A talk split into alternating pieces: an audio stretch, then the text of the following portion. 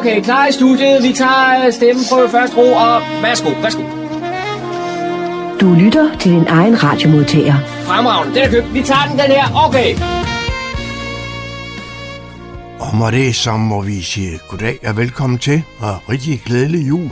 Håber, at alle er kommet ind i det stille og roligt, og så, kan man sige, er imponeret af, hvor meget det, vi formår at hygge om os selv og vores, øh, øh, vores venner i sådan en øh, juleaften.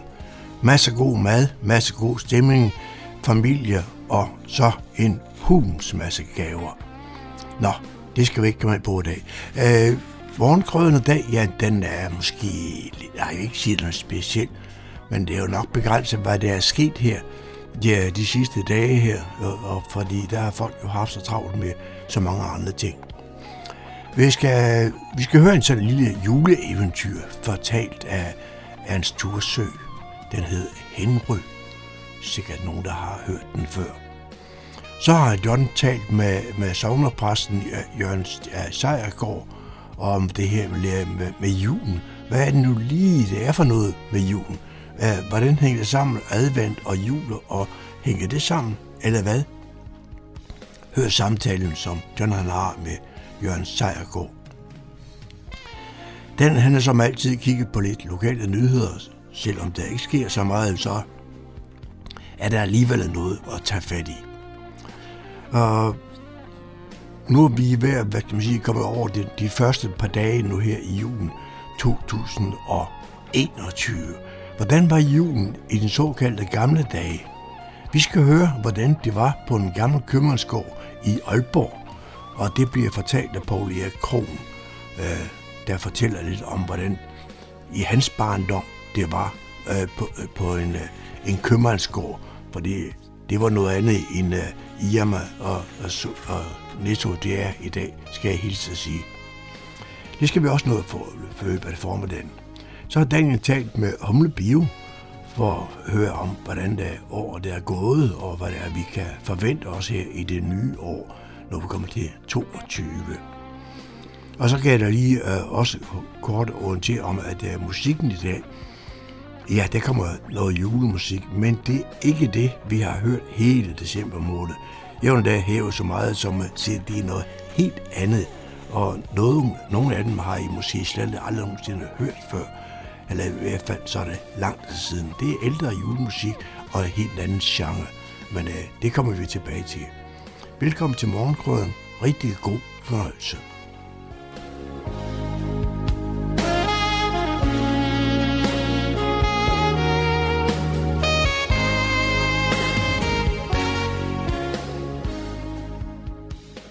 Forfatteren Karl Erik Søjer levede fra 1896 til 1983. Han er først og fremmest kendt for sine øh, fine skuespil, øh, blandt andet fra besættelsestiden, og i øjeblikket går en af disse, et af disse skuespil, Parasitterne, så vidt jeg ved, også i et Københavns teater. Han har også skrevet romaner blandt de kendteste er Min farmors hus, og så den bog, der hedder 17, som handler om hans ungdom. Men hvad der måske ikke er helt så kendt, er, at han også har skrevet en lang række humoresker, små, sjove historier, og nogle af dem er samlet i en bog, der hedder Smil så, af Søjer, udvalgte humoristiske fortællinger med forord af Kai Munk. Så kan det næsten ikke blive bedre. Den historie, jeg skal fortælle, hedder Henry, og den foregår i 1930'erne, hvad man vil forstå, når man øh, hører lidt om, hvordan miljøet er, og hvad en pakke cigaretter koster. Henrys far er arbejdsløs de 365 dage af året, og Henrys mor vasker ude, men kun én gang hvert sted, og på den måde er forsørgelsen af en familie på to voksne og fem børn kommet til at hvile på Henrys skuldre. Heldigvis har Henry ikke blot forretningstalent, men er også villig til at virke som alt mulig mand. I juletræssæsonen bringer han juletræer i byen. I pinsen assisterer han ballonmænd på Strandvejen. Nu og da er han bydreng for urtekræmmeren på hjørnet. Ved teatertid åbner han biler, og på den koldeste tid af året samler han koks i gasværkshavnen til videre forhandling. Mest holder han dog af at gå rundt ved dørene, hvor han med blygrå postkort i hånden og troskyldig mine i ansigtet fremstammer uforståelige ord. Det giver mest og koster mindst anstrengelse. Henry er 10 år. En vinter eftermiddag er forretningen ualmindelig sløj. Arbejdsløse har gennemtrålet ejendommene fra kælder til kvist, og de hjem, hvor man endnu dyrker velgørenhed, har for længst nået grænsen for deres barmhjertighed. Gang på gang lyder det ud af dørsprækken, vi kan da ikke blive ved. Henry er træt, trist og tørstig. Og bekymret. Navnlig bekymret. Han ved, at han vil blive gennemtæsket af sit mødrende ophav, hvis han ikke kommer hjem med mindst et par kroner. Og endnu er dagens indtægt kun 21 øre.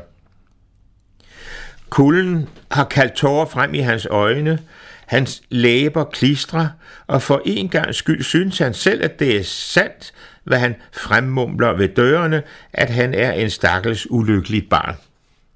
Han er kommet ind i en herskabsejendom med lejligheder på tre værelser og bad, men en af dem, hvor fruerne selv kommer til døren og lukker op. Den slags huse hører ellers til de bedste arbejdspladser for stakkels ulykkelige børn.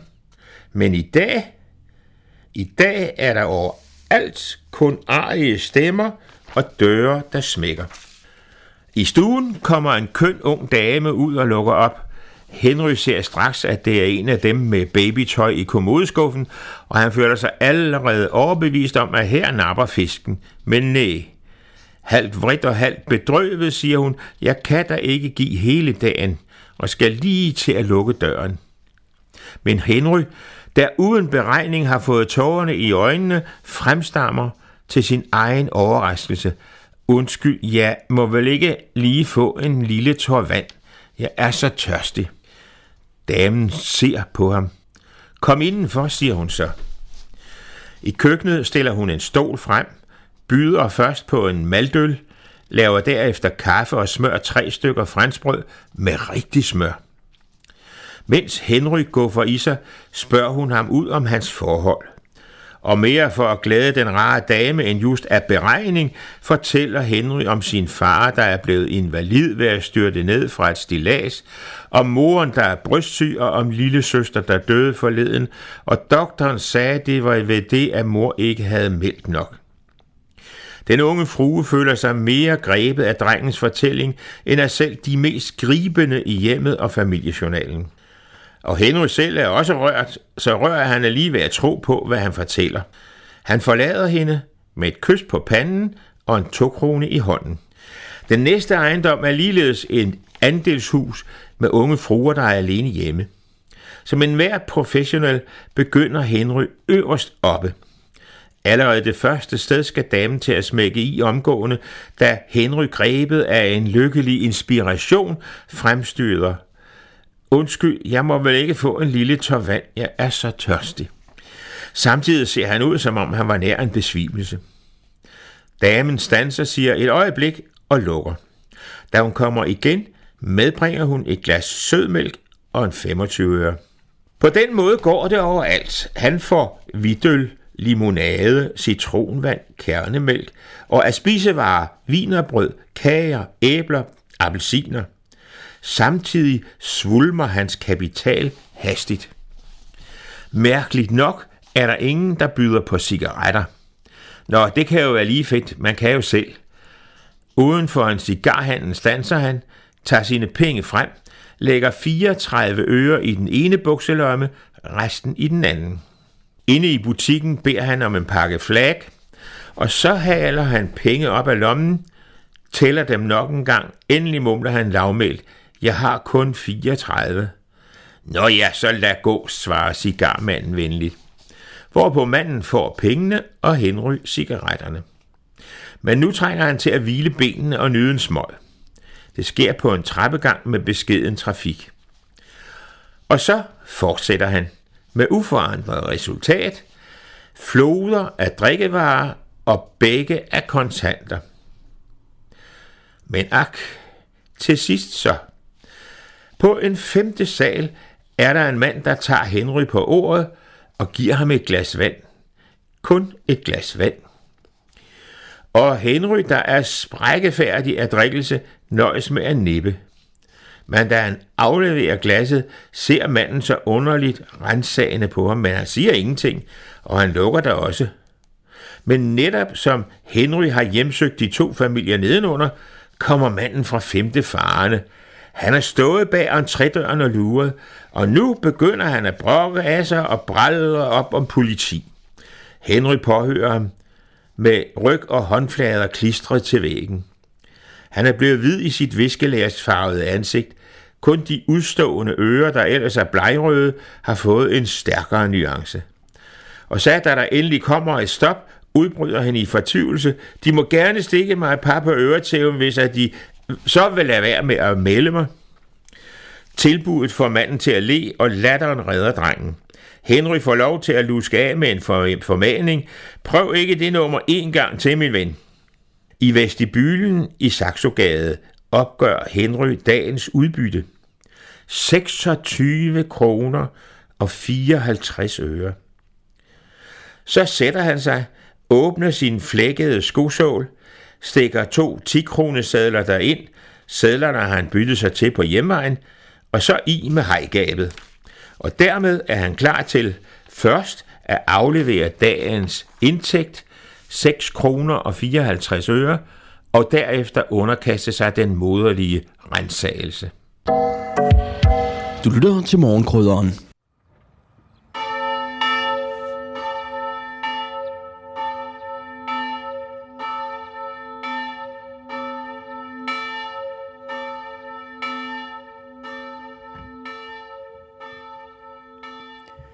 Jeg er gået på visit hos sovnepræst Jørgen Sejergaard i Kokkedal. Og Jørgen, jeg havde tænkt mig, at du skulle fortælle os lidt om den tilståndende højtid. Og på den årstid, der er det jo det, der hedder julen. Ja, og så det, som er, hvad skal vi sige, min yndlingsnuance i den anledning, at først kommer advent, og så kommer jul. Og det er to forskellige ting. De er tæt forbundne, men advent er indledningen eller forberedelsen. Og så kommer julen, som er selve braget af festen. Og så har vi jo to øh, symboler, som hjælper os til at huske øh, både sammenhængen og forskellen. Og det er jo den beskedne, men smukke adventskrans, som jo har fire lys. Det er ikke særlig mange. Og så er der juletræet, som har rigtig mange lys. Der er ikke engang tal på, hvor mange der kan eller skal være. Der er bare mange. Og øh, adventskransen er stilfærdig. Den minder os om, at vi nærmer os noget stort. Og, og juletræet minder os om, at vi øh, er kommet til det, som er stort. Øhm, hvis vi så skal forstørre det op i et, lidt, et, et større perspektiv, så kan vi sige, at den periode, adventstiden og så juletiden, som jo faktisk var fra juleaften til Hellig Tre Konger, det er ikke kun sådan lige et par dage, som mange tror, øh, de afspejler jo, øh, øh, det, det, det er vores fest, kan man sige, men de afspejler jo noget i, i selve verdenshistorien, i, i Guds store historie med menneskene. Først forbereder han gennem århundreder og øh, tusinder, at, at Jesus øh, skal komme, indstiller menneskene på det, giver dem nogle symboler og, og øh, pædagogiske modeller, som de kan forstå Jesus ud fra. Og det er det, Israels historie handler om. Det er en, en pædagogisk øh, indledning eller introduktion, indføring til det her store, som skal ske. Og det er det, vi så kan læse om trin for trin i det gamle testamente. En meget, meget spændende historie, når man ser det under den synsvinkel. Og så kommer selve det, det store. Nu kommer Jesus, og så breder budskabet sig ud over, over hele verden. Her i landet der er det jo julen jo en af de rigtig store højtider. Og hvad er det, der er så specielt ved julen? Jamen, alle mennesker oplever jo mindst øh, to ting. Den ene er taknemmelighed. Vi kan opleve nogle rigtig gode ting, og så bliver vi taknemmelige. Man bør ikke være specielt religiøs for at opleve det. Og den anden, det er, at vi mærker samvittigheden. Samvittigheden minder os om det, vi er overbevist om er rigtigt. Og den gør ondt, når vi øh, svigter vores idealer. Og både taknemmeligheden og samvittigheden, det er jo fingeraftryk øh, fra en højere magt, som vi ikke kan se, men som vi mærker hver eneste dag. En magt, som banker på og gerne vil ind i vores liv og i forbindelse med os. Og det særlige ved julen, det er, at denne magt altså kommer i øjenhøjde med os og træder frem foran os som et menneske, en af vores egen slags, vi kan forstå og tale med. Vi kan ikke forstå alt ved ham, men vi kan forstå, at nu er der forbindelse. Her er jo en, jeg kan se ind i ansigtet og tale med. Den usynlige magt bag hele menneskelivet og universet træder pludselig synligt frem som vores menneskebror. Det er julen. Her i vores kultur, der er julen jo noget helt særligt. En af de store kirkelige højtider, og så vidt jeg erindrer, så er det jo den, den største for, for mange mennesker. Ja, det er rigtigt. Julen er blevet den største kirkelige højtid. Jeg aner måske bag det, du siger, sådan har det ikke altid været, for i Oldkirken, der var det jo påsken. Øh, jeg vil sige det på den måde, at det havde været dejligt, hvis påsken fyldte lige så meget i vores bevidsthed som, som julen. Men sådan er det altså ikke gået, og så må vi jo bare forsøge at få sagt alt det gode om Jesus til mennesker, som vi nu kan, kan gøre øh, i julen. Set lidt mere overordnet at det måske ligegyldigt, om folk øh, hører det gode på det ene eller det andet øh, tidspunkt. Vi skal bare sørge for, at vi øh, får det hele med. Hvis man skal gøre det meget enkelt, så kan man sige, at historien om Jesus kan samles i to eller tre ord, og for at gøre det nemt, så kan vi sige, at det er et par ord, der begynder med K. Julen handler om krybben, Kristus, Guds evige skaberord, stiger ned, øh, ned på vores plan. Men påsken handler om, at han går et skridt videre. Han går helt ind der, hvor det gør rigtig ondt og stiller op for os. Øh, og det er altså korset. Krybben og, og korset. Når du spørger om, hvorfor, eller antyder, hvor, hvorfor er, er julen så, så, så vigtig som kirkelig højtid, jamen øh, den har nok også, øh, hvad skal vi sige, i kraft af, af det der lidt smukke, østerlandske og nogen vil sige eventyragtige skær. Jeg mener jo, det er virkeligt, men derfor kan der godt være et eventyragtigt skær over virkeligheden. Øh, der er noget, der appellerer til vores barnlige sjæle, og som giver anledning til også det, den danske hygge. Det er der ved julen. Påsken er lidt mere, øh, eller meget mere kras øh, og barsk så den, den har ikke samme øh, folkelige øh, appel. Og det tror jeg er årsagen til, at det er blevet julen og ikke, ikke påsken. Nu ved jeg jo, at øh, en præst, øh, de fleste præster i hvert fald, har meget travlt i december måned. Hvordan kan det være, at man koncentrerer aktiviteterne der? Jamen, øh, det kan der være mange grunde til. Jeg synes så ikke selv, jeg har mere travlt i december end i de andre måneder. Jeg synes sådan set, at den travle tid, det er fra øh, september til maj.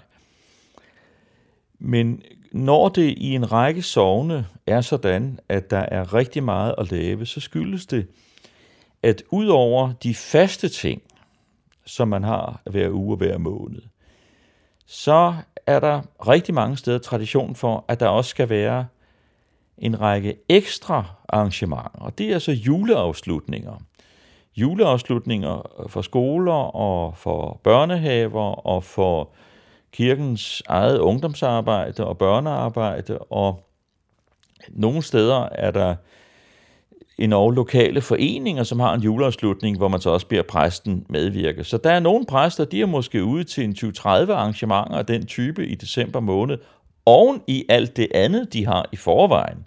Og så bliver det en meget travl tid. Men her må jeg nok sige, i vores område, der synes jeg, at det er øh, forholdsvis, øh, hvad skal vi sige, roligt øh, med det. Der, vi har nogle juleafslutninger, men jeg synes ikke, det er sådan, at vi, vi, vi, vi svømmer i dem. Til gengæld synes jeg, at vi har rigtig mange faste aktiviteter øh, månederne øh, igennem. Du og jeg, som er vokset op her i det danske samfund, vi har altid været vant til julen. Men i de sidste mange år er der kommet folk udefra, nogle med en anden kulturel baggrund og nogle med en anden religion. Men jeg fornemmer også, at man i stor udstrækning der markerer julen. Jamen det har jeg ikke noget overblik over, men jeg kan da i hvert fald øh, godt se, at, at der er folk med en anden baggrund, som i en eller anden grad, og sikkert også i forskellig grad, øh, deltager i julefejringen. For eksempel har jeg jo oplevet ved juleafslutningerne for skolerne, at rigtig mange, og under tiden alle de muslimske børn, øh, kommer med. Jeg beder ikke fader vor i kirken, men jeg læser fader vor op, og så må en hver jo i sit eget sind øh, tænke, hvad man vil. Og jeg fortæller med glæde juleevangeliet. Og det har de fået lov at være med til og, og høre sig om det, og de kan jo ikke bevæge sig i vores, øh, hvad skal vi sige, by, uden at mærke, at nu fejrer man jul. Og jeg tror sådan set også, at nogle af dem øh, fra de forskellige øh, øh udenlandske kulturer og religiøse baggrunde bliver glade for vores øh, julefejring. Og det har vi da også oplevet øh, i vores øh, egen familie, hvor der jo også er kommet øh, mennesker ind, øh, øh som, som er fra en anden kulturbaggrund. Øh, de oplever øh, julen med glæde.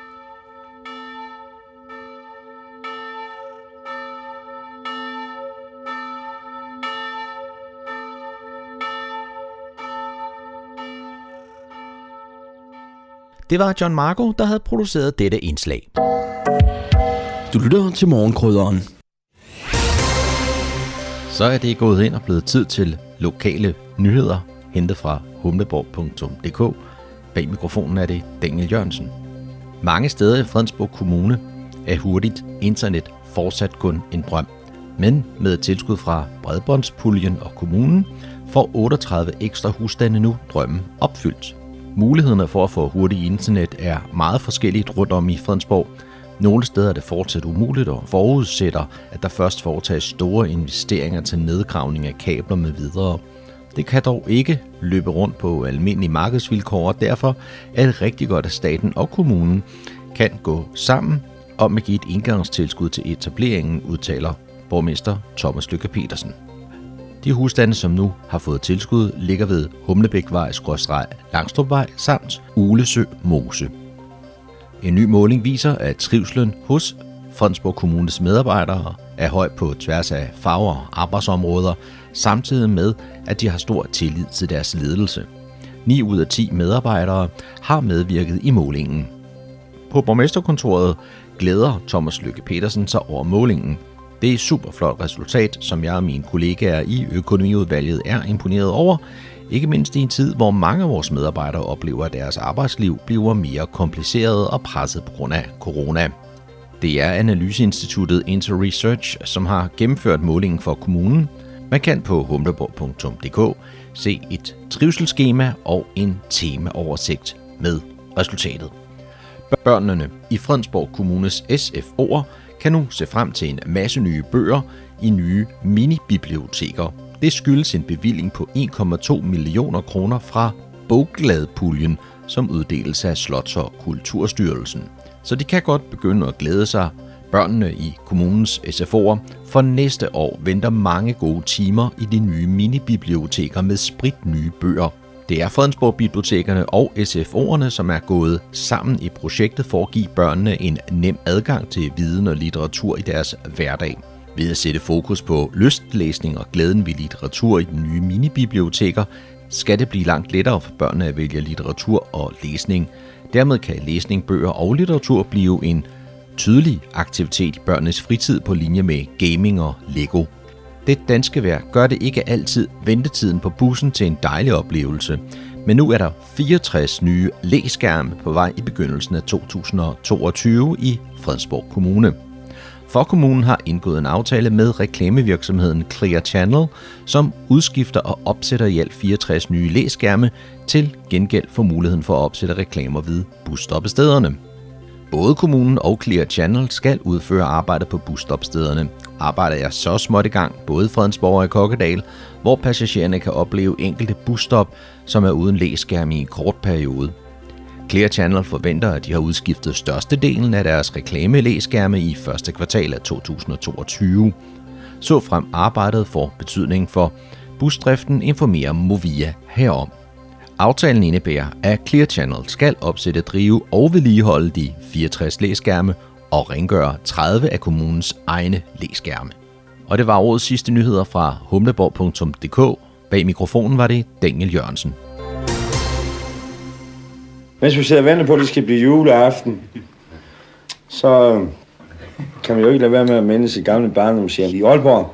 Og så synes jeg lige, at jeg vil fortælle lidt om min barndomsjul. Og det er sådan lidt romantisk. Det skal der også være plads til i denne hårde tilværelse. Og julehygge, det kender jeg godt til, fordi jeg stammer fra en gammel købmandsgård, Jordsgård i Aalborg. Købmandsgården, den var firelænge. Det var en bindesværsgård med gule sten og røde egebjælker.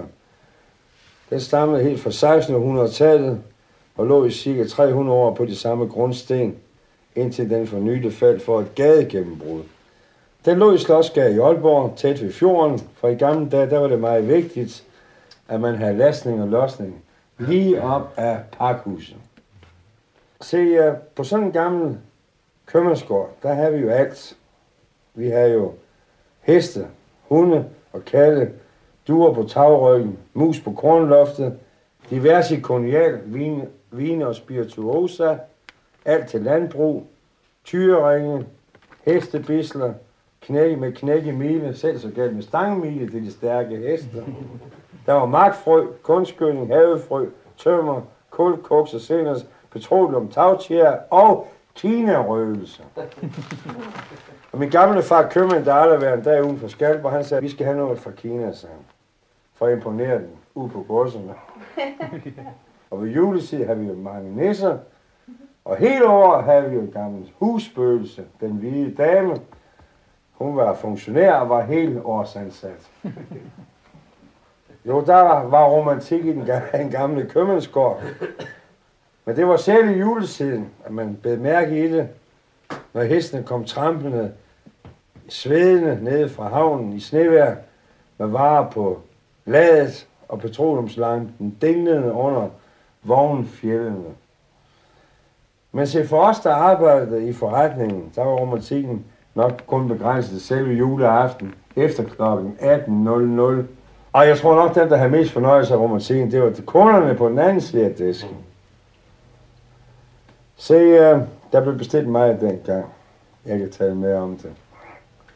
De store godser og gårde, som vi har mange af som kunder, de købte ind fra godt, et godt stykke tid før jul, og helt op til hele tre konger, så det var mange ting, der skulle på vognladene. Og uh, det var sådan, at vi havde en masse oplandskunder. Vi, vi solgte også grovvarer, tømmer, cement. Vi har en masse landbrugere som kunder, og vi har også en masse godser. Og vi har også en ø ude i Limfjorden. Som kunder, der var en 15-16 gårde derude på den her ø. Det var meget almindeligt i gamle dage, sådan op til jul, når det var hård vinter, så frøs det lidt før jul. Så gik man over isen ind til købmanden efter varer. Og jeg kan jo lige så tydeligt huske som barn, der kom der en gårdmandskone over isen ind til min far med rygsækken på, og fyldte den op med varer. Og der hun skulle det betale, der trak hun sædet op i lommen og gav min far, og så der stod kærkøbmanden krogen. Disse varer, min kone har fået i dag, bedes de venligst notere til omkring 1. marts. Da jeg kære sende kontante penge med, da isen ikke er for sikker i øjeblikket.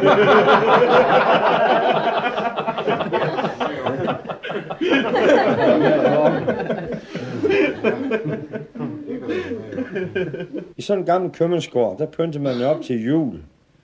Og der var alle, alle sejl jo sat til. Og der vi jo have frø og korn og en grå, så havde vi jo varen inden for rækkevidde. Og jeg kan huske bestemt en bestemt jul, at min far han fyldte begge vinduerne op med gul hirse. Og så skrev han med rød hirse. Han havde lånt en bagersprøjt inde ved bageren, de her, det her sprøjt flødeskum med. Så sprøjtede han med rød hirse. Julen er kommet. Sådan i kanceliskrift. Og fra den dag af, der måtte, vi, der måtte ikke stå to døre op ad gangen, for så er det blæst ud. så hver, hver gang der kom en kone ind, luk bagdøren, luk bagdøren, luk bagdøren, sagde han. En dag, de bar korn ind i bagdøren, så ville samtidig skæbnen, at to af de vilde duer, som faren gik og fodrede op på fortorvet, de fulgte med ind i rækkefølgen og stod nede ved glasdisken og ventede på at få et par majs, inden de fløj. Så da min far han fik øje på dem, sagde han, rolig, hele, alle er rolig. personalet, kunderne, alle er rolig, rolig, rolig, rolig, rolig, rolig. Og dueren, de stod og sagde, åh, oh, åh. Oh. Og købmanden, han kunne godt se, hvad der ville ske, hvis de gik på vingerne ind i købmandsforretningen. Der stod sådan en gammel søjle med et skilt, hvor der stod, her sættes margarine. Og det skulle de rundt om tre gange for, for at tage tilløb til vinduet, fordi duren kan ikke se vinduer, de tror, der, det er vej ud. Og nu har min far brugt tre uger på at male det her, julen er kommet, så det ville han ikke have ødelagt. Så fik vi lukket bagdøren, duren de var ikke kommet ud endnu, og i det samme så gik døren op. Tuborg, de holdt udenfor, de kom ind med tre kasser øl. Så går duren på vingerne og suser lige hen mod vinduet og falder ned i det her vindue med hirse, hvor der står, julen er kommet. Og jeg er ked at se, om, om det ligner en fagladefabrik, der er sprunget i luften. så efter den tid, så pyntede vi med almindelige, almindelige skilte. Se, i sådan en gammel købmandsgård, der, der er sådan en vis konservativ stil over det hele. Hvis ikke der var det, så var det jo en købmandsgård. Og øh, det er jo ikke moderne med supermarkeder med, med, med mus i skuffen, men dengang, der hørte, hørte de jo nærmest det funktionerende. Sådan at vi skulle have på stykker gående. Ikke for mange sagde den gamle, men selvfølgelig to ældste skal have lov til at have en sæson mere. For de var det også, da han overtog forretning. og vi har en skuffe, som jeg tydeligt husker, den hed 372. Og det var den, vi havde afskældet havre i. Og der var de gamle mus slemt til at gå i. For de kunne ikke de kunne tøkke det med skallerne på. Og jeg kan lige så tydeligt huske, min far de sagde til mig, nu får vi en lille frøken Jensen ned fra Romdrup i lærer her til den første, og husk lige at fortælle hende lidt om skuffen. 372. Så vi var altid vant til at sådan bank tre gange, inden vi rykkede skuffen op. Det så bedst ud over for kunderne, at de fik en lille chance til at komme væk i. Og øh, det fortalte jeg så de her nye lærerdrenger, lærerpiger, vi fik i lærerne i købmandsgården. Men jeg kan også tydeligt huske op til jul. Der er øvrigt altid travlt i en købmandsgård, men op til jul er det dobbelt så travlt. Og det var så galt min egen far, landkøbmanden, der stod og ekspederede en meget kendt kunde fra Hasseris, og hun sagde, goddag, købmand Krogen. Jeg vil gerne købe halv kilo afskalle havre. Så gerne, sagde den gang. Så styrte den hen og røg en halv kilos på, så er sådan en stor kornskål, dem kender I godt.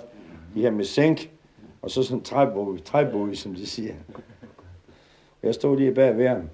Og så i travlheden der til jul, der glemmer købmanden jo at banke på skuffen. Og han river den op, og der lå den ældste, vi havde, og den største mus, vi havde i forretningen, og den lå på ryggen og sov til middag. og den nåede altså ikke komme væk, og så var der altså ingen chance, så min far han knaldede den her store kornskov ned i maven på den, og så tog han lige under ryggen og skubbede over til siden, og så begyndte han at skåle, afskælde havre op, og så sagde han, hvordan har direktøren det ellers? Og hele den der morkommission, der, der skete der for øjnene af mig, den rystede mig dybt. Så han gik forbi mig, så sagde han ud af mundvinen, få en væk, få en væk, få en væk, få en væk. så kaldte han mig op på kontoret fem minutter efter, så sagde han, sig mig en gang, har vi mange mus? Ja, vi har nogle stykker gående i hvert fald. Jamen sig mig en gang, den gamle grå kat, kan den ikke klare mere? Ja, det ved jeg ikke. Der er i hvert fald nok et par hundrede stykker nede på Kornløst. Et par hundrede, sagde Det kunne jeg godt lide at se. Jamen, der skal vi ned over middag, så når der er stille, og hesten, de tøkker, tøkker ned i krybben. Så er der sådan lige en times tid derovre middag, hvor øh, de nærmest danser kan kan ned i majsen. Nej, det passer ikke, sagde gammel. Der er nok højst en fire stykker. Jeg garanterer for, at der er mindst 200, sagde. Og vi satte os ned på en melsæk på loftet og ventede. Og vi kiggede på portalen. Musen, de har altid sådan en portal ned i, ned i bunden af, af vægen. Og vi sagde nok en time, der skete ingenting. Så kom sådan en lang kigger ud lige pludselig. og fotograferede det hele. Og den, gamle, den gamle kat, han sprang over bagved en søjle og gemte sig. og stod lige så smal han var, for ikke at komme i kiggeren. så hørte vi pludselig en råbe, kom ned! Aus!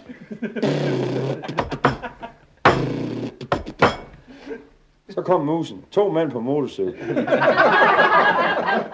16 mands orkester. Og fire personer på fløjen.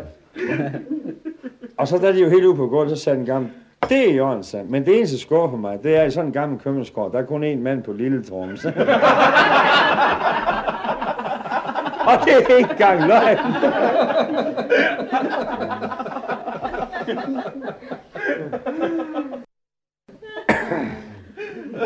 Så blev det tirsdag. Tirsdagen før jul. Nu, min far var ikke meget for at blive klippet, for det kostede for meget. Han blev som regel støvset der før jul, fordi det, var også, det gik også hurtigere. Så sagde han til mig, kan du ikke lige passe for retten, mens jeg bliver gå ind til barberen? Vi bor altså nabo med barberen. Pas lige for retten, mens jeg går ind og bliver støvset, sagde han. Så kan du passe for retten, så må jeg gå som det kan, sagde han. Så han kun væk fem minutter, så kom han faren ind, og så sagde han, Paul Erik, jeg må lige se lønslisteren. Lad os så se her. Hvad får den gamle grå kat i grund om dagen, sagde To røg sild og en halv flaske mælk. Ved du, hvad det er? Det er for meget. Jeg kommer ind til barberen, skal stusses tirsdag, og skal se det nye bælgeblad. Hvem ligger og sover på det kl. 4 om eftermiddagen? Den grå kat. og det er ikke til at rykke bladet fra Og vi har åbent til halv seks, sagde og den får gase til halv seks.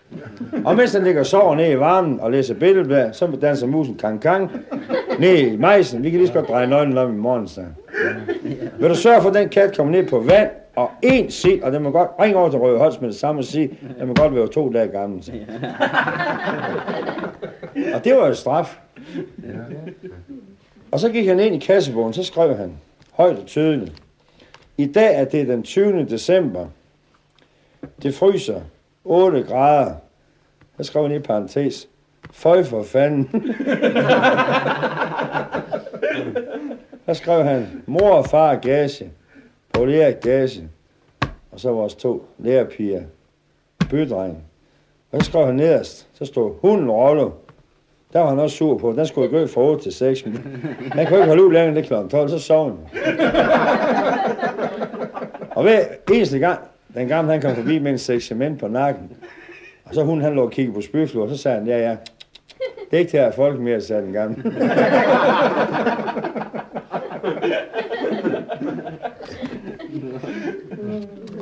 så kunne min far godt lide at spille kort, når ellers der var tid til det. Og den eneste, han kunne tæve, det var først komin. Det har også valgt. Jeg kan lige tydeligt huske, at den gamle, han så op på pulten og sagde, den kan der ikke, og kan der ikke, den kan der ikke. Haha, den kan der heller ikke. Præmulus, han. Haha. 12 øre.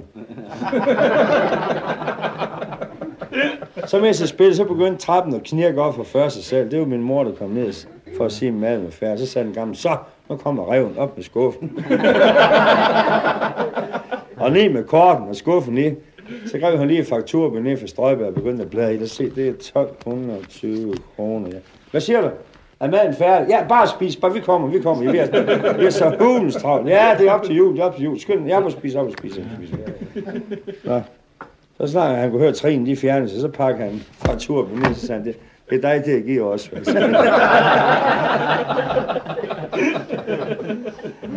så har vi en kunde, en frøken Jensen over fra, fra øh, Hun, hun kom altid op til jul og skulle have strandsand til sin uh, kanariefugl. Og det skulle endelig være tørt, fordi han, han, hun havde sig, øh, i sommer fået noget fra Blokhus, og det var lige vort nok, så han havde hostet siden. Og det skulle endelig være fra Lykken den her gang. Og min far, han er jo ikke så ikke tid til at kunne se på, om det var fra Lykken eller Blokhus. Men uh, Ja, de kunne jo også sådan gå og smide lidt vand i for at få det til at veje lidt mere. Det var ikke for, at det ikke skulle støve. Jo. Men øh, så kom det jo ind, og vi skulle betale strik og pose til det her sand, og hun skulle have 5 kilo sand til fuglen, og Gamle synes det jo lige lidt nok med prisen, så han kunne jo godt sådan lige finde på at lægge en tommelfinger på, på vægten over på den anden. Og så ved jeg godt kontrolvægten over på kundesiden. Der var hun lige så stor, der. Hun satte et par i klemme. Og så, og sådan kæmpede de i 22 år om det her strandsand. Og lige snart hun går, så sagde min gamle, han sagde, hun er ikke til at handle med hende, fru Jensen. hun er ikke til at handle med. Da vi nu er i juletiden, så synes jeg, det er på sin plads at også at fortælle lidt om det, vi kalder efter første juledag og anden juledag og tredje juledag. Så bliver det jo sådan efterhånden efter nytår, og børnene kommer i skole. Og lærerinden i landsbyskolen vil gerne være sådan julehumør de første par dage. Og så siger hun til børnene, Nå, hvad har I så fået julegave? Hvad med dig, Liselotte? Ja, jeg har fået påklædningsdukken. Jeg købte den i Salling. Og så har jeg fået et par buksedragter. Jeg købte den i Salling. Og så har jeg fået sådan en små papillotter til at sætte i dukkehår. Der købte den i Salling. Nå, det var morsomt, sagde lærerinden. Hvad så dig, lille Peter? Ja, jeg har fået sæt bygklods, sagde Og så får jeg en jernbandtog. Og så får jeg en lille søster. Nå, det har måske også købt ind i salgen. Nej, min far han er arbejdsløs. Han laver alle vores julegaver selv.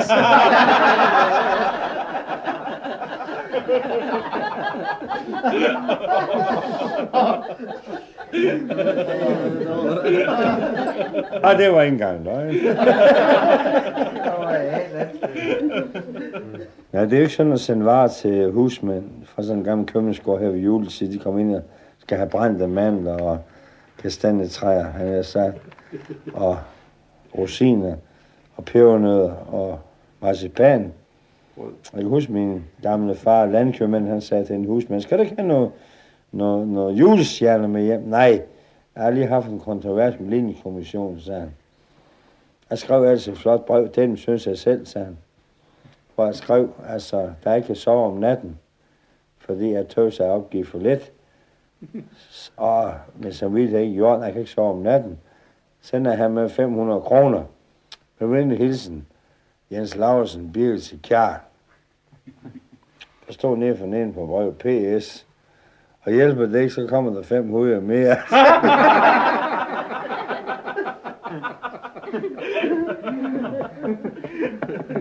Og det ikke engang, ja. Så kom der også en mand ind, kan jeg huske. Lige så tydeligt. Og så siger min far til ham, ja, Gård Jørgensen, skal de ikke have noget konfekt her til jul? Nej, sagde han, de er, de er lige mig lige høvden nok, sagde han. Nå. Så fik jeg videre omvej, at han havde skrevet verdens mindst privatforbrug på. Og så har de lagt 1000 kroner på privatforbrug for ligningskommission. Uden han lavede vrøvl.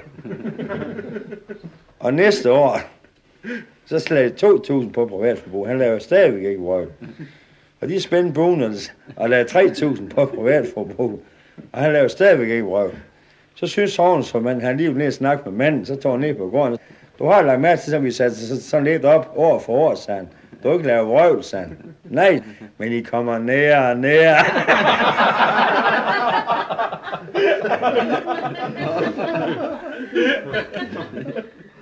Der skal jeg nok just sende til at forstå det. Jeg kan også huske en mand, der kom ind i fars forretning. Min far havde forretning i 52 år. Og øh, han har været i Kanada i 40 år. Så sagde min far til ham, Nå, du var i Kanada, sagde han.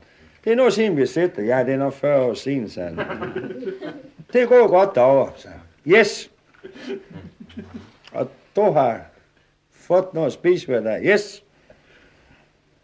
Og du er ikke hjemme i 40 år. No, no. Kan du huske, hvad du rejste afsted med for 40 år siden? Jeg tror, han tiger på mig, sagde Hvad er det så kommet hjem med i dag? Lige øjeblik, så. 6,65, det er jo en billig tur.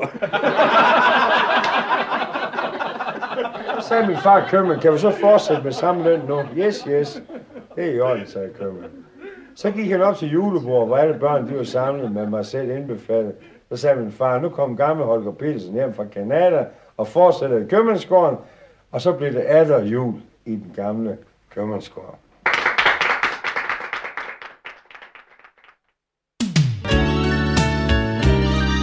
Lytter til Morgenkrydderen. I studiet er det Kurt Kammerskov.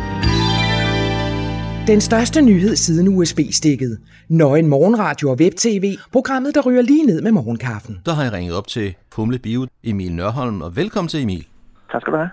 Når man sådan skal, skal se lidt tilbage på, øh, på året 2021, ja. sådan med, med biografdirektørens øh, øjne ja. der, hvad, hvad har været sådan det helt store tilløbsstykke af, af film i Humlebæk? Ja, uden tvivl, så det er jo selvfølgelig Bond, og som det udenlandske film på det danske marked, så det er Ternet 2, det er Pakten og Margrethe den Første. Ja. Det er de største. Det er det. Godt. Og så har der jo været det her øh, øh, helt, helt urimelige corona. Ja, ja. ja. Øh, og det, det har vel egentlig også øh, smittet lidt af på øh, i, i negativ retning, ikke? Jo, det er, for folk bliver sådan altid lidt i tvivl, og måske lidt skræmt, eller hvad hedder det, når der har været pressemøde. Mm, mm. Heldigvis er der jo konstant øh, et, et dejligt øh, universitet i Tyskland, der hele tiden laver studier omkring det. Og med ja. det luftskifte, der er i sådan en stor sal, så, så, så er biografen stadig coronaens beskyttelsesrum nummer et. Okay. Fordi det, vi, har, vi sidder i samme retning, mm. kigger på det samme, vi ånder, når vi ånder hinanden i nakken, det er ikke i ansigtet. Mm. Så vi, vi har god afstand. Ja. Og vi har masser af luft omkring os. Men, men øh, det har vel ikke været helt nemt hele året? Slet ikke. Nej. Men jeg var blevet hærdet på sidste år. Okay, ja. Så man, man kender lidt til, hvad det er, man skal tage, tage Ja. hånd om? Ja, Ja, præcis. præcis. Okay. Så men i og med, at, at øh, kommunen ejer bygningen, øh, har man så har, har du en, en kommunal øh, ryg, du ligesom kan læne dig op af? Ikke til at overleve driften. Nej. Der er jeg ikke. Det skal jeg selv sørge for. Ja. Så øh, det er bare om at, at, at komme ned og støtte den lokale biograf Ja. og, og se alle de store film. Så meget. Ja. Så meget. Emil, øh, i, i 2022, øh, Ja. er der nogle tiltag i, i Humle Bio, som, øh, som du går og, og sysler lidt med? Øh, du har det med at, at, udvikle biografen. Ja, jeg, jeg går og sysler. Øh, om det bliver 2022 eller 2023, det er så den næste. Det er lidt længere proces. Men Mm. jeg synes da klart, at vi skal arbejde på at få noget mere plads i, i vores lounge, så folk kan godt lide at være der. Vi har en masse fødselsdage, som godt har brug for et sted at sidde. Mm. Og når der bare er lidt mennesker med, så, så er der jo fyldt. Ja. Og hvis det er koldt udenfor, så er det lidt øh, ikke til at være der. Ja. Og så vil vi rigtig gerne arbejde for at få en sal til. Okay. Men, men det betyder vel, at, øh, at der skal være noget ombygning til? Det betyder det, ja. Og det er jo også en dialog, siger, det kan ikke være 2022 med sikkerhed, men det kunne være, at er heldige i 2023. Ja. Jeg håber, der på tidligere. Er det opad eller nedad, der skal udvides? Det er, det, er- der er vist ikke kommet til endnu. Nej. Der er kommet en masse idéer, men det, Jeg det tænker bare, hvis det er til siden, der er, der er naboer og parkeringspladser. Det er, der er naboparkeringspladser, ikke? og der er også nogen, man skal tage højde for, at det ikke bliver for højt, og måske sende parkeringspladserne over på den anden side, så det også kunne hjælpe skolen med at få nogle bedre afsætningspladser til børn. Ah. Altså, Er, er det inde sådan i dine overvejelser, om øh, Humle Bio skal ligge et andet sted? ja, men det er jo, de har jo fjernet det fra, fra ideen om bymidten. Der er det ikke øh, gjort plads til det, som det er lige nu. Nej. Så derfor tænker jeg ikke på det. Nej. Altså det, det der har været med en masse dialog med omkring det, og altid fuld åben for, hvad der skulle ske. Mm. Men lige nu, som det er på det, der er vedtaget, så sker der ikke noget i bymidten omkring en biograf. Nej. Og så, så må jeg jo... øh, Men det er jo også til det, vi har. det er jo lidt en unik bygning, ikke? der ligger der på, på Gamle Strandvej. jeg elsker den, jeg er vokset op der jo. Ja, ja. Så jeg, det, det, jeg ved jo bare, at man er nødt til at følge med, når der er nogen, der laver noget fremskridt for omkring. Så må man, kan man ikke bare sige nej og sige, at vil det, som det skal være altid. Mm. Nej. Så for Og det bedst som jeg siger, mulige Jeg ud har af brug for det. en sal til, så der, der, der, den er udfordret på kapacitet. Ja. Og det er jo egentlig fantastisk, at, at, at, at du ser uh, den uh, mulighed, at der er behov for en sal mere, fordi ja. altså, i alle store byerne rundt om, der uh, er jo udvikling også. Uh, der bliver ved at komme nye biografer til i, i stor størrelse. Mm, Ja, men der kommer også flere tilbud til på lageret. Ja. Og, altså, og Når, når, når du siger flere tilbud, så er det jo ikke bare film. Det er primært også... film. Ja. Primært film, der er flere titler. Mm. Mm. Og, og selvfølgelig efter coronaen her, så arbejder folk på en anden måde, eller går i biografen på en anden måde, kan godt se tallene. Det er anderledes, end det plejer at være. Ja, ja. Komme meget kompakt til de store film, og næsten ikke til de små. Men der er jo Men også, sådan- der er også nogen, og jeg mener også selv, at, Humle Bio har, har haft det tilbud med nogle koncerter, der bliver streamet, ikke? Jo, det har jeg også gjort en gang imellem. Ja. Og vi har også haft et enkelt live show med Adrian Hughes, så vi skal have fat nogle flere. Ja. Så det, det er virkelig sådan en, en kultursamlingssted. Ja, ja, det er jo... Altså, vi, vi, vi kan godt sige på landsplan, der er biografen blevet den nye kirke. Mm. For det er jo her, man mødes hver dag. Ja. Og Humle Bio er jo også en biograf med nogle traditioner, med nogle faste ting på, på programmet, du tænker? Du tænker på Rocky Horror til marts igen? For eksempel? Ja, Ja, for ja. eksempel. ja, ja. Det er jo også, det er jo, det er jo tre år siden snart. Det er to eller tre år, det er tre år siden, vi har haft det. Ja. Det er også vildt. Det, øh, så det skal vel snart til. Ja, og så bliver det uden Hans Henrik i år, morgen hvile i fred. Ja. Det er jo et, øh, det er et stort savn, men øh, det kan vi jo ikke ændre på. Nej, det kan vi ikke. Nej. Og så har du jo også øh, du har jo det her samarbejde med, øh, med, børnefilm, ikke? Børnefilmklubben Humle Jo, jo, de kører fast hver lørdag. Ja. Så det Ikke hver lørdag, hver, hver, hver måned hedder det. hver måned er der øh, børnefilm. Yes. Ja, præcis. Yes. Så det, er, det, det fortsætter bare derude af. Ja, det gør. Ja, yes. Godt, men ellers øh, klik ind på øh, Humle Bios hjemmeside og øh, vælg en, øh, en film. Præcis. Tag en nyhedsbrev og blive inspireret hver uge. Ja. Øh, og så der er næsten altid plads, ikke? Der er faktisk udsolgt en gang imellem. Okay. Jamen, så er der jo tid på et andet tidspunkt. Så er der tid på det, men der er, så er der altid en forestilling til. Ja, det er jo det. Og Emil, i starten øh, af det nye år, for at vende tilbage til øh, det, det handler om, nemlig filmene. Ja, Hvad, ja. hvad kan folk glæde sig til af, af gode, spændende film i de kommende år? Det kommende år, der er blandt andet øh, Feel Good film. Mm? Tag min hånd, Mille Dinesen, instrueret af Lars Kålund. Ja. Kom ned, der kommer lige i slutningen af januar, kom ned og vær glad. Så der er komediedrama med Rasmus Bjerg, Vildmænd, som Mhm. blev flyttet. Den blev flyttet, det, øh, det er noget med noget i Norge noget. Ja det, men det er jo det er jo intet med hinanden at gøre. Nej. Der er bare ting, der ligner hinanden, og så har man lige respekt for det, der sker. Ja, ja. Og, og øh, Vilmænd, jeg synes, jeg så en, en trailer, hvor, ja. at, hvor jeg tænkte, det, det, det, er, det er måske mere komedie, end det er øh, Ja, drama, ikke? Jo, sådan en blanding. Ja. En fin blanding. Og så er der en rigtig komedie, når der kommer Anne for fire lige i starten af februar. Mikke Øgendal er tilbage. Alle for fire. Yes. Der er noget at grine af. Det er der. Og der kommer en lille Allan tegnefilm. Jeg har læst bogen Lille Allan om den menneskelige antenne. Aha. Øh, den kommer også til vinterferien. Det er også det, jeg ser frem til. Ja. Ja, Og, det og til også voksne, så kommer der The Batman til marts. The Batman. Yes. Ja. Så, så Batman får simpelthen lige en tur i øh, filmmøllen igen. Ja, det tænker jeg også nogle gange, men der går virkelig mange år imellem hver gang. Ikke? Jo, jo, jo. Og der kommer nye generationer til. Og det pussy er ikke alle piger. Dengang der var Twilight, så var pigerne lykkelige og vilde med, at det var Robert Pattinson, de så i hovedrollen. Mm. Og nu er alle mændene lykkelige og vilde med, at det er Robert Pattinson, der er The Batman. Sådan skal det være. Sådan skal det være. Godt. Så, Emil, jeg vil sige tak for øh, snakken. så tak. Det er godt. Velbekomme. Hej igen. Hej. Ja, så gik der igen et år. Forstået på den måde, at uh, det her det er den sidste morgenkrøder i 2021. Men uh, man ved jo aldrig, og måske dukker vi op igen i 22. Så fra hele redaktionen, alle dem, der laver indslag her på til morgenkrøden, vil jeg gerne sige til alle sammen rigtig godt nytår. Disse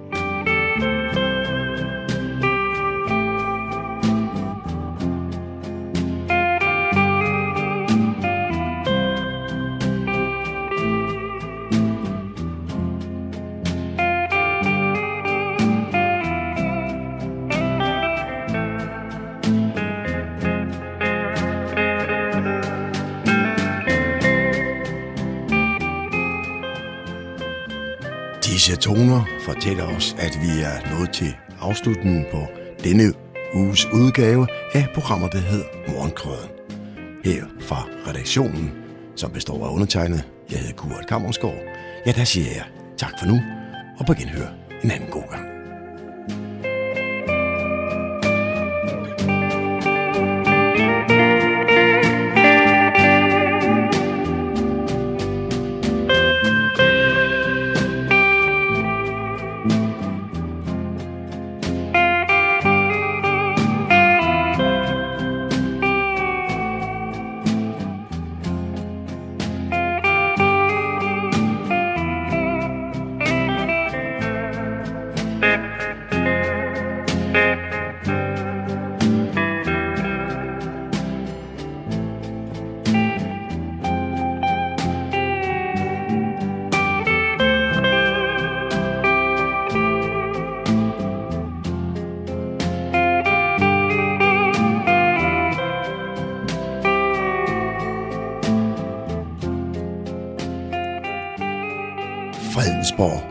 Radio, Radio Humleborg. Nordsjællands mest voksne lokalradio.